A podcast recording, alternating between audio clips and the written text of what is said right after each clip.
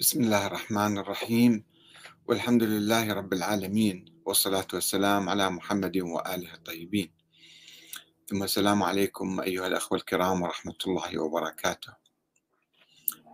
أه يسألني بعض الأخوة أو ينتقدوني يقول لماذا تركز على السيد مقتدى الصدر هذه الأيام؟ الحقيقة أنا لست يعني منحازا لأي حزب سياسي ولا منتمي ولا أتدخل في السياسة العراقية اليومية. وإنما أرى يعني أقدم ملاحظات على ما أرى من اتجاهات خاطئة في بناء المجتمع العراقي يعني بالقضايا الفكرية والثقافية والدستورية. آه، القضايا المهمة التي آه، يمكن أن تنشر العدل وال المحبة والسلام في المجتمع. والوحدة بين المؤمنين بين العراقيين. هذا هو هدفي وهذا الذي أسعى إليه. لذلك أبحث القضايا الطائفية أنتقد القضايا الطائفية والقضايا المتطرفة من كل طرف. والبعض يقول أنك يعني آه، تضرب التيار من أجل الإطار. وأنا ما عندي أي مصلحة مع الإطار ولا عندي أي علاقة معهم حقيقة. آه، وأنتقدهم أحيانا أحيانا وأحيانا كثيرة وليس أحيانا فقط. أنتقد أساسا نظرية ولاية الفقيه أنتقد نظرية وجود الإمام الثاني عشر الذي يعتمد عليه المراجع والأدعياء ولاة الأمر. وأنتقد أيضا اتباع أي شخص يؤمن بالدستور العراقي ويصوت عليه ويستفيد من عنده أن يوالي شخصا خارج حدود العراق. لأنه مفروض في يعني يعني العملية السياسية تكون في داخل العراق. فأنا لست مع أحد حقيقة ولا أكن أي عداء أو بغض شخصي. أنا لست مرشحا لرئاسة الجمهورية أو المرجعية في مقابل السيد مقتدى الصدر أو مقابل أي أحد آخر. ولا أرشح للنيابة ولا أرشح لشيء. إنما يعني أتابع يعني أنا كنت في صميم العمل السياسي منذ خمسين عاما. حقيقة أنا كنت معارض لصدام وداعية يعني لتغيير هذا النظام أو ذلك النظام.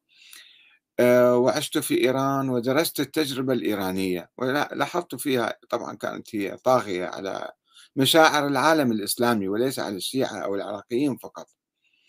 ومع ذلك أنا من أول يوم وطأت قدماي أرض إيران كنت أحاول أن أدرس التجربة الإيرانية. وأرى كيف يمكن أن نستفيد منها في مستقبل العراق. وكنت مفتح عيوني تماما وما أقلد وما أتبع أحد وما يعني تغلب علي العاطفة. لذلك عندما طرح الإمام الخميني سنة 88 نظرية ولاية الفقيه المطلقة التي اعتبرها شعبة من ولاية رسول الله ومن الأئمة المعصومين وأن الفقيه هذا مجعول ومنصوب ومعين من قبل الإمام المهدي وفوقته وفوق الشعب. هنا يعني تعلمت الدرس الأكبر وبدأت أبحث في موضوع نظرية ولاية الفقيه. هل له هذه الصلاحيات؟ الفقيه الولي الأمر يعني. أم لا؟ هل هو نائب الشعب أم هو نائب الإمام المهدي؟ هذا سؤال مهم كان جدا في سنة 88 والحمد لله أنا كنت في الحوزة ودرست هذا الموضوع ودرسته درس خارج في حوزة القائم. مئة درس مئة حلقة خلال سنة درست هذا الموضوع على طلابي في حوزة القائم. سنة 89 وسنة 90 بدأت المرحلة الثانية لدراسة موضوع الإمام المهدي ونظرية الإمامة الإلهية فأعدت النظر في كل الفكر السياسي الشيعي من جديد ورجعت إلى مذهب أهل البيت أو توصلت إلى مذهب أهل البيت الذي هو الشورى وليس نظرية الإمامة الإلهية والنص والتعيين إلى ذلك. أي والآن عندما أنا أراقب الساحة العراقية وأقدم بعض الملاحظات أقدم بعض إرشادات أو بعض الانتقادات البعض ينتقد ولا يستطيع أن يتحمل أي اقتراح أي تحليل سياسي أي تحليل فكري مثلا. نقد فكري لا هذا الإنسان معصوم.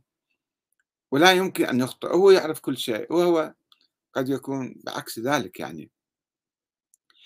لذلك أنا يعني مع الأسف الشديد كنت أتابع الحركة السياسية للسيد مقتدى وشفته يعني متطرف في العنف متطرف في نقد الآخرين ومدح الذات واعتبار نفسه هو كأنه يعني إمام معصوم.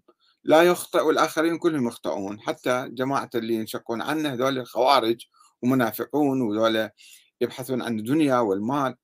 هذا مو صحيح. وقدمت خلال خمس سنوات عدة مرات كنت أتحدث على عن هذه الطريقة في التعامل الأبوي الإستعلائي على التيار ومطالبة أبناء التيار بأن يكونوا مثل آه، الميت في المغتسل بلا تفكير وبلا عقل وبلا نقد وبلا اعتراض. شو ما يقول السيد لازم تطيعوه هذا فكر مخالف للديمقراطية مخالف للثقافة الإسلامية حتى.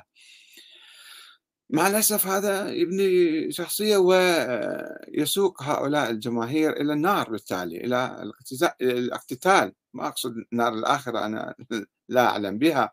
ولكن هاي المأساة التي حصلت قبل أسبوع أسبوعين اللي ذهب ضحيتها عشرات الشهداء والجرحى وبعدين أول شيء يقول القاتل المقتول في النار ثم صاروا شهداء بعدين.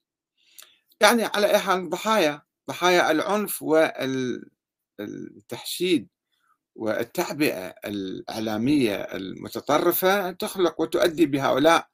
ولا أدري إذا كان هذول يجمعوا على المنطقة الخضراء بأمر السيد لو بدون أمره إذا بأمره مشكلة وإذا بدون أمره ليش حشدهم هالأسلحة وكذا وروحوا هجموا على المنطقة الخضراء وعلى من فيها واقتتلوا معهم ويسقطون شهداء من الطرفين طبعا.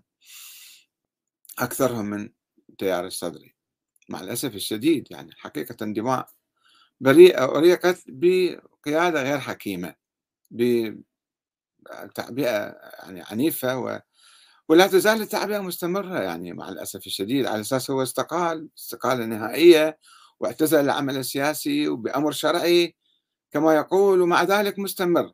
الآن السيد منتقل إلى صفحة جديدة إلى صفحة ثقافية. أو فكرية وبدأ يغرد في تويتر أو ينشر مقالات يعني آه، وهي أخطر من التعبئة السياسية. أخطر من الأخطاء السياسية التي اقترفها. يعني هذه آه، تعمق جذور الانحراف والفساد والمشاكل في المجتمع العراقي الشيعي بالذات. وبالتالي لها مردودات معكوسة على الشيعة وعلى التيار الصدري. حقيقة كما لمست من بعض الأخوة المعلقين. وأتوقع هذا الشيء وأنا أعرف هذا الشيء من قديم. يعني هذا التطرف العنف الغلو في أهل البيت يؤدي إلى ناس يكفرون التيار الصدري يكفرون مقتدى ويكفرون الشيعة من ورائه مو فقط مقتدى. وبالتالي آه، يحدث شرخ في المجتمع العراقي الشيعي. بعد كيف يمكن نتفق على قائمة موحدة ديمقراطية مثلا أو لا يصير نوع ابتعاد وكراهية وعداوة وبغضاء واقتتال أيضا طائفي. الغلو بأهل البيت هذا يؤدي. والغلو من أين ينشأ؟ مع الأسف الشديد مو فقط سيد المقتدى عموم الحوزة أيضا كذلك. ليس عموم ليس كلها ولكن في عموم في كثير من الحوزة أنا أسميها الحوزة الأمية. غير الحوزة العلمية اللي بعض الناس كلش قليلين اللي يبحثون ويدرسون ويدققون ويتكلمون. هناك ناس بس لف العمامة أو أبوه كان معمم أو أبوه كان مرجع هسه مجتهد مو مجتهد مو مشكلة مو مهم. بس المهم أبوه معمم معروف وهو لف العمامة وصار كأنه يقولون بالحوزة معروف هذا المثل يقولون ابن العالم نصف العالم. أنت ابن عالم نص نص عالم. وقول لا أعلم نصف العالم فصرت أنت عالم مطلق هو لا يعلم هو ابن العالم فصار عالم كامل يعني. فهنا المشكلة. الفكر العام ما يسمى هذا الفكر المغالي اللي باسم أهل البيت وباسم الإمام الحسين فكر مغالي آه، يبتعد عن القرآن الكريم ويبتعد عن السنة النبوية ويبتعد عن أحاديث أهل البيت الصحيحة والثابتة والمتواترة وحتى الأخبار الضعيفة. يبتعد حتى عن الأخبار الضعيفة ويتشبث بأخبار مختلقة معروفة. يعني إحنا نعرف في عند الشيعة هناك تياران منذ مئات السنين. تيار أصولي يحاول يدقق في الروايات من الشيخ المفيد. يعني انتهج هذا الاجتهاد. الاجتهاد يعني التدقيق في الروايات. مثلا قبل كان الشيخ الصدوق محمد بن علي بن بابوية الصدوق أو الشيخ الكليني. هذول كانوا أخباريين ما يؤمنون بالاجتهاد يحرمون الاجتهاد ويقبلون أي رواية كانت. لذلك انتشر في القرن الرابع الهجري كتاب مثلا كتاب سليم بن قيس الهلالي وبسرعه تشبثوا بذولا النعماني والصدوق والكليني أخذوا من عنده وهذا كأنه رواياته صحيحة. هو كتاب مفتعل مختلق ما حد يعرف منين اجى مرة واحدة ظهر وصار هذا مسيطر على الثقافة الشعبية. اجى الشيخ المفيد انتقد الشيخ الصدوق قال هذا شلون يعني ياخذ كتاب سليم بن قيس الهلالي وهذا الكتاب يعني مو معروف من وين جاي ولا يجوز أحد يعتمد عليه إلا يعتمد عليه يراجع الأخبار الأخرى والكتب الأخرى. فعندنا صار خط أصولي يعني دائما يحاول هذا الخط أو هؤلاء العلماء أن يحققوا ويدققوا ويتاكدوا من الروايات. الخط الأخباري يقول لا كل الروايات صحيحة، كل الكافي صحيح، كل الكتب صحيحة. وما ما يدقق وما يتاكد أصلا ما يبحث ولا يناقش. وحتى في الخط الأخباري هم في درجات في ناس أيضا حاولوا يتأكدوا من الروايات يعني ما يجتهدون بالأصول وكذا يعني الاجتهادات الأخرى يأخذون فقط الروايات ولكن يحاولون الإجتهاد في في في الرجال على الأقل أن هاي الرواية موثوقة صحيحة مو صحيحة. مثلا قبل مئة سنة كان واحد معروف اسمه الشيخ عباس القمي. تلميذ الطبرس الطبرسي هذا نور الطبرسي اللي محدث كان يسموه. وهذا الشيخ عباس القمي كان محدث محدث وتابع إلى تلميذ. فكتب كتاب مفاتيح الجنان هذا اللي تشوفوه منتشر الآن في كل البيوت وكل المكتبات والمساجد الشيعية مفاتيح الجنان أدعية. أدعية هذا كتبها بناء على في كتاب سابق قبل كان منتشر عند الشيعة اسمه مفتاح الجنان مو مفاتيح مفتاح الجنان. واحد العلامة المجلسي أو واحد من تلاميذه كاتبوا في أدعية يعني جدا يعني مو صحيحة. فالشيخ عباس القمي اللي هو محدث مو مو مجتهد ولا أصولي رفض ذاك الكتاب واستنكره في مقدمة المفاتيح مكتوب القصة مالته اقروا في مقدمة مفاتيح الجنان. ومثلا اجى على حديث الكساء.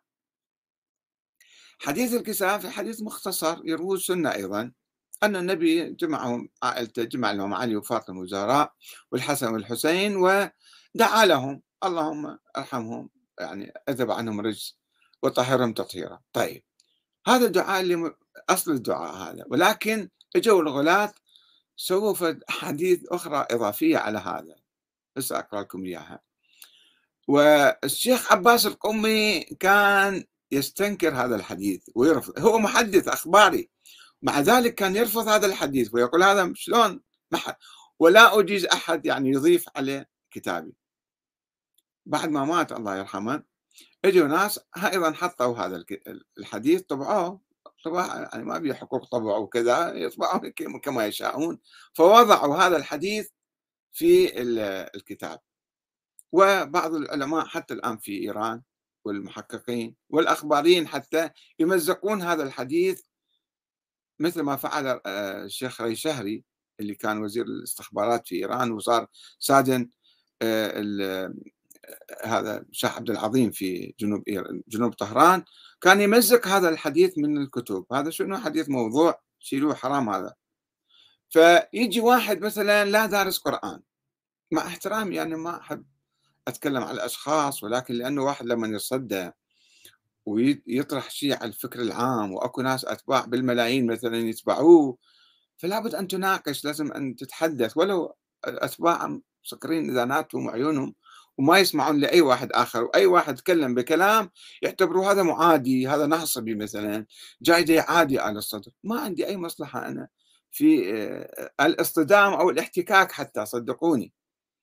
وإلا كنت لا أبالي كما كثير من الناس لا يبالون.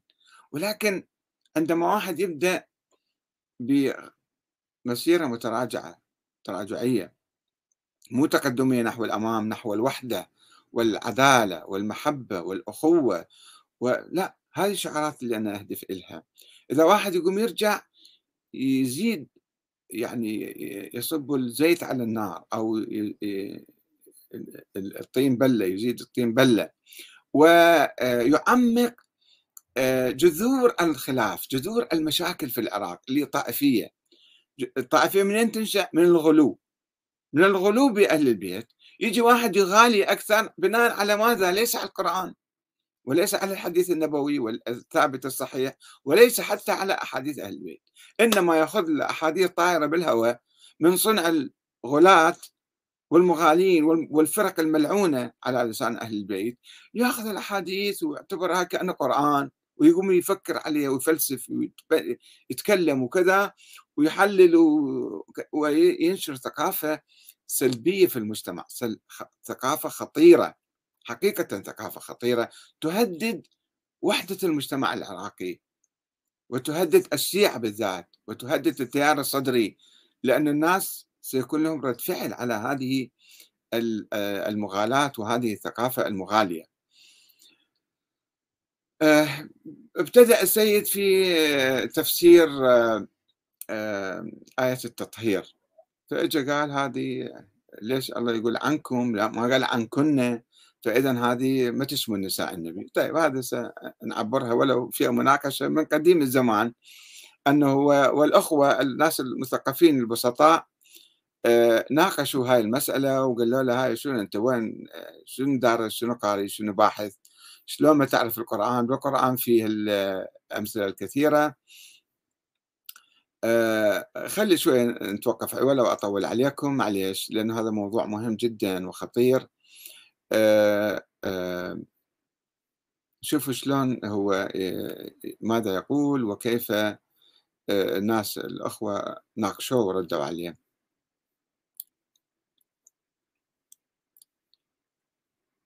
نعم. هو اجى فسر هاي هذا الحديث. أو الآية القرآنية عفوا إنما يريد الله ليذهب عنكم الرجس أهل البيت ويطهركم تطهيرا. يقول فعلى الرغم من إفاضة علمائنا الأعلام بتفسير هذه الآية فإنها ما زالت محط خلاف بين السنة والشيعة كما يعتبرون آه كما يعبرون. فالسنة والجماعة يتبنون تطبيقها على نساء النبي أو إنها شاملة لهن على الأقل. على عكس الإمامية فإنهم يخصصونها بالمعصومين سلام الله عليهم أجمعين. وبطبيعة الحال فإني أميل إلى الرأي الثاني باعتبار أنا شيعي يعني. ولي على ذلك بعض القرائن الداخلية إنجاز التعبير أو قل قرائن مستوحاة من نفس الآية وهي يقول شنو القرينة الأولى؟ عنكن عنكم فإن الآية الكريمة جاءت بسياق الكلام عن نساء النبي آيات قبلها وآيات بعدها.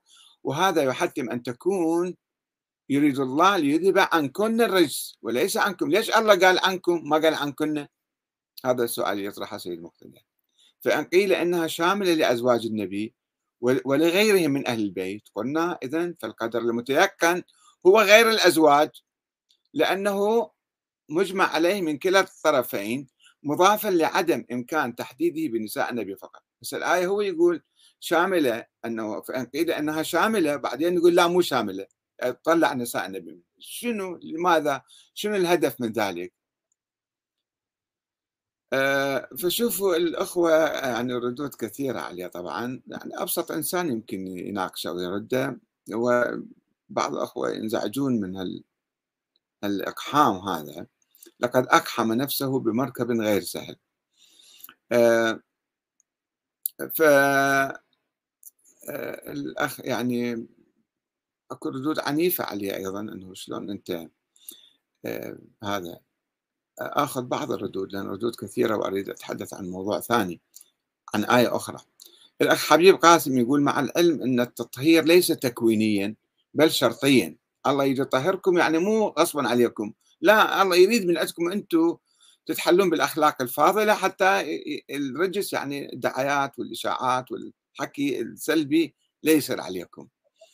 آه، إذا التزمنا بما أمر الله يحصل. ولم ينتهي الامتحان وقت نزول الآية بل جزئية التطهير هي من باب التأنيب وليست مكرمة لأحد. مثل الأستاذ الذي يقول للطالب ادرس أريدك أن تنجح. لأن يبدو عليك بعض التقصير. والتطهير هو حتى ما مقصرين. يتكلم بصورة عامة أنه الآية تقول يعني إذا فعلت كذا يصير كذا إذا فعلت كذا يصير كذا. والتطهير ليس حكرا لا على النساء ولا أهل البيت بالعموم بل كل البشر.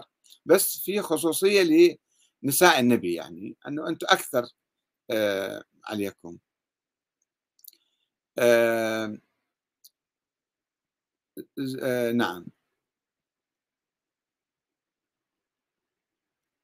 آه تعليقات كثيرة في الحقيقة أنا أحاول يعني مثلا الآية الكريمة التي تخاطب الملائكة يخاطبون آه، سارة زوجة النبي إبراهيم عليه السلام.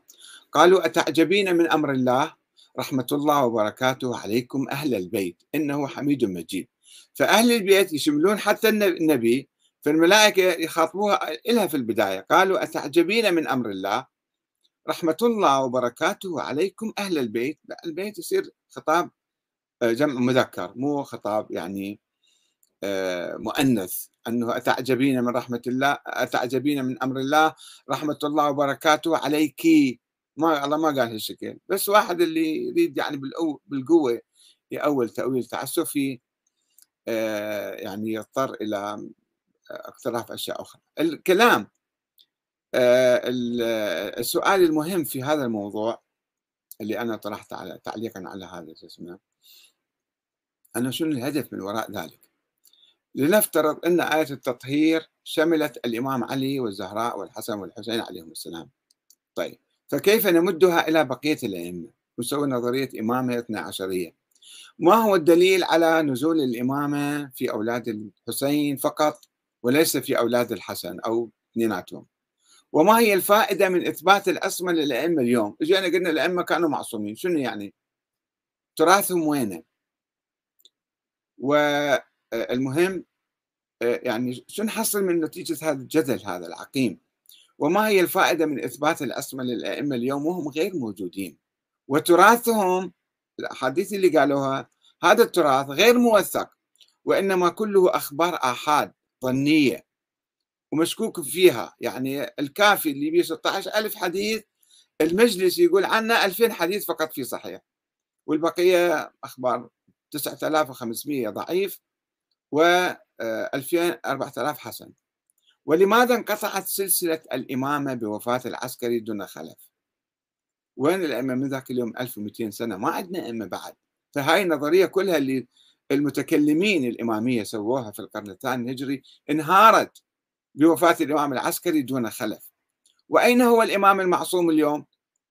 وهل الهدف من هذا الجدل إثبات أنه بعدين نجي نقول إيه موجود إمام ثاني عشر غائب ونثبت بعدين ندعي النيابة الخاصة والعلاقات الخاصة بهذا الإمام سواء للسيد مقتدى أو غيره عن الإمام الغائب اللي هو أصلا ما مولود. وبعدين راح نبني من هالثقافة ننطلق من هالثقافة الطائفية الميتة المنقرضة إحنا نطلع في شيء جديد ونبني قيادة ديكتاتورية لفرض السيطرة على أبناء التيار وعلى الشيعة ثم على العراق ونسف النظام الديمقراطي. إن التركيز على نظرية الإمامة المنقرضة يهدف إلى ترسيخ الدكتاتورية والاستبداد واستعباد الناس اليوم في العراق مع الأسف الشديد. هسه نجي إلى التغريدة الأخرى اللي البارحة قالها.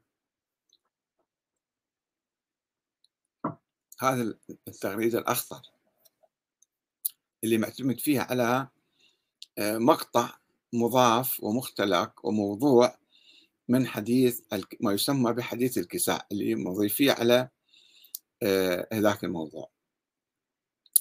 فهو يجي أول شيء عنده يوم سبعة تسعة 2022 بموقعه على تويتر ذاكر من صفحتين آه، هذه التغريدة. يقول أسلط الضوء على الحديث النبوي القائل حسين مني وأنا من حسين.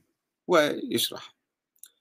شلون صار بقاء الذكر بقاء ذكر الرسول من الحسين وسببه الإمام الحسين. طيب هذه مو مسألة هواية الأطروحة الثانية ورد في حديث الكساء. طيب يا سيدنا يا مقتدانا يا حبيبنا أنت درست علم الحديث؟ يعني أنا أدعوك تصير مجتهد. صير مجتهد واخدم الأمة في اجتهادك في علمك. يعني تاخذ أحاديث من منها طايرة حتى الشيخ عباس القومي ما يؤمن بها تأخذها وتعتمد عليها وتفكر وتفلسف عليها هذا شيء خطير جدا. يقول ورد في حديث الكساء لا مصدر ولا كتاب ولا شيء. ما ما يذكر يعني هاي الطريقة ما الناس يعني آه، يقول فقال الله عز وجل يا ملائكتي قال الله عز وجل القرآن الله كل كلامه بالقرآن ماكو شيء غير القرآن. لا يمكن أن ننسب إلى الله تعالى لا حديث قدسي ولا أي شيء آخر ما موجود بالقرآن. فيه تبيان كل شيء. القرآن فيه تبيان كل شيء. ما يمكن نبني نصدق بأي كلام بأي حديث ما موجود بالقرآن أو أي فكرة ما موجودة بالقرآن لأنه هاي الأحاديث المزورة الموضوعة. آه، باسم الله ونجي آه، نسوي انحرافات في الأمة الإسلامية. فقال الله عز وجل رأسا يا ملائكتي ويا سكان سماواتي الله زي خاطب إني ما خلقت سماء مبنية ولا أرضا مدحية ولا قمرا منيرا ولا شمسا مضيئة ولا فلكا يدور ولا بحرا يجري ولا فلكا يسري إلا في محبة هؤلاء الخمسة الذين هم تحت الكساء. إذا يواصل السيد مقتدى يقول إذا فالأنوار الخمسة سلام الله عليهم أجمعين هم سبب الخلق. ومن أجلهم وأجل محبتهم خلق الله الخلق الكون كله. هاي المجرات اللي بعد الناس ما قادرين يشوفوها ويعرفوها هاي كلها الله خلقها من أجل محبة هؤلاء الخمسة. زين شوية توقف يا سيد مقتدى. زين والأنبياء الخمسة اللي عزم وين راحوا؟ هذول شنو شغلهم؟ الله ما دار لهم بال بس خلق ال... ال... الكون كله من أجل هؤلاء الخمسة. والأنبياء السابقين كلهم ما لهم قيمة. إيه يقول الله خلق من أجل هال... بناء على هال... هذا منبع الانحراف الخطير في الغلو الخرافي بأهل البيت. إيه، بعدين يتابع يقول فيكون الإمام الحسين خامس الأنوار الخمسة جزءا من سبب الخلق. الله خلق الكون من أجل هذول الخمسة فإذا واحد منهم الحسين. جزءا من سبب الخلق ولولاه هنا الطامة الكبرى. ولولاه لما خلق الله الخلق بما فيهم رسول الله صلى الله عليه وآله وسلم. شو هالكلام يا سيد؟ أول, أول واحد شيعي يقول الكلام هذا. أول حتى الشيخ حتى دول الخطباء المنابر ما يحجون الشكل. منين جايب الكلام؟ فالإمام الحسين سبب مهم في خلق الرسول في هذا العالم هو جابه. لو الحسين الله ما كان خلق النبي. كما كان هو صلى الله عليه وسلم سببا أهم في خلق الإمام الحسين. واحد خلق الثاني واحد يعني أدى إلى خلق الآخر. نعم. ويواصل أنه الأطروحة الثالثة والأطروحة الرابعة آه أنه الإمام علي نفسه خلقوا من أنوار خلقوا من نور واحد. الأئمة كلهم دول الخمسة خلقوا من نور الله. أو من نور واحد. آه، فالأمر يسري إلى فاطمة والحسن والحسين. يقول النبي قال له الإمام علي آه، خلقت أنا وأنت من نور الله أو من نور واحد. هذا مضمون الحديث. هو ما شايف الحديث وين؟ ما قاري عن الذاكرة دي يتكلم. ومع التجريد عن الخصوصية أعني خصوصية أمير المؤمنين فالأمر يسري إلى فاطمة والحسن والحسين قياس وقياس باطل أيضا. وبما أنهم خلقوا من نور واحد فكل واحد منهم سبب لخلق الآخر. أي الجزء محتاج للكل والكل محتاج للجزء. فيصدق أن الحسين من نور الرسول والرسول من الحسين أيضا. ربما كان يشير إلى حديث حسين مني وأنا من حسين. الأطروحة الرابعة أن هذا الحديث يدل على واحديتهم إنجاز التعبير وأن الرسول أراد به إلفات نظر المنكرين إلى أنه هو والإمام الحسين لا ينفصلان وإن انفصلا فيكون الأمر غير تام. وفي دلالة واضحة على أحقية المعصومين بالخلافة عموما والإمام الحسين خصوصا. ولا تتم الأطروحة الكاملة والدولة العادلة إلا بوجود الإمام الحسين عليه السلام. بعبارة أخرى إنهم سلام الله عليهم كل واحد لا يتجزأ بل بعضه يكمل بعضا. حفيد الإمام الحسين مقتدى الصدر. 7 9 2022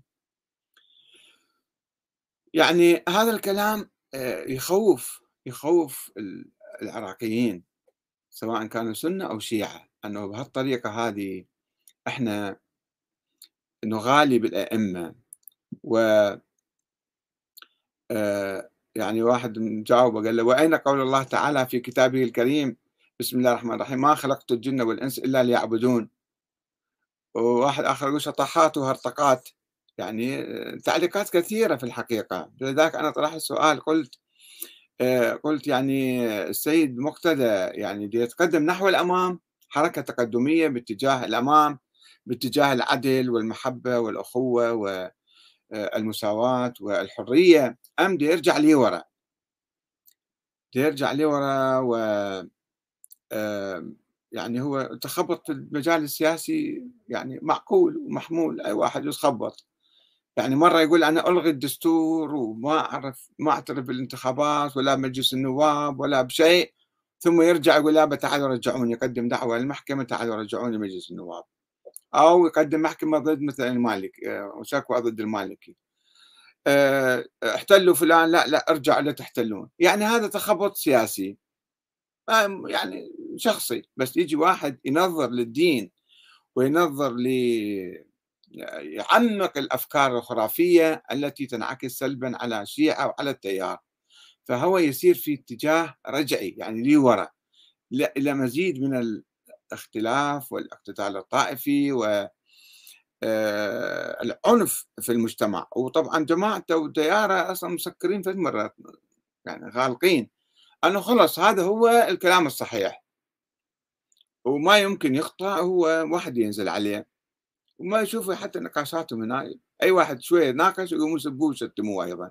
إرهاب إرهاب إعلامي عندهم.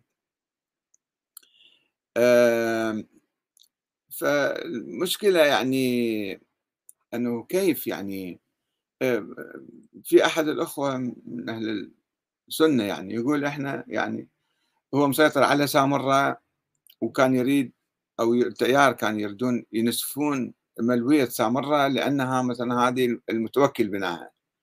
على جثث أهل البيت. وين جثث أهل البيت؟ أهل البيت في مكان آخر مدفونين. فالمهم هذا رمز لازم نشيله.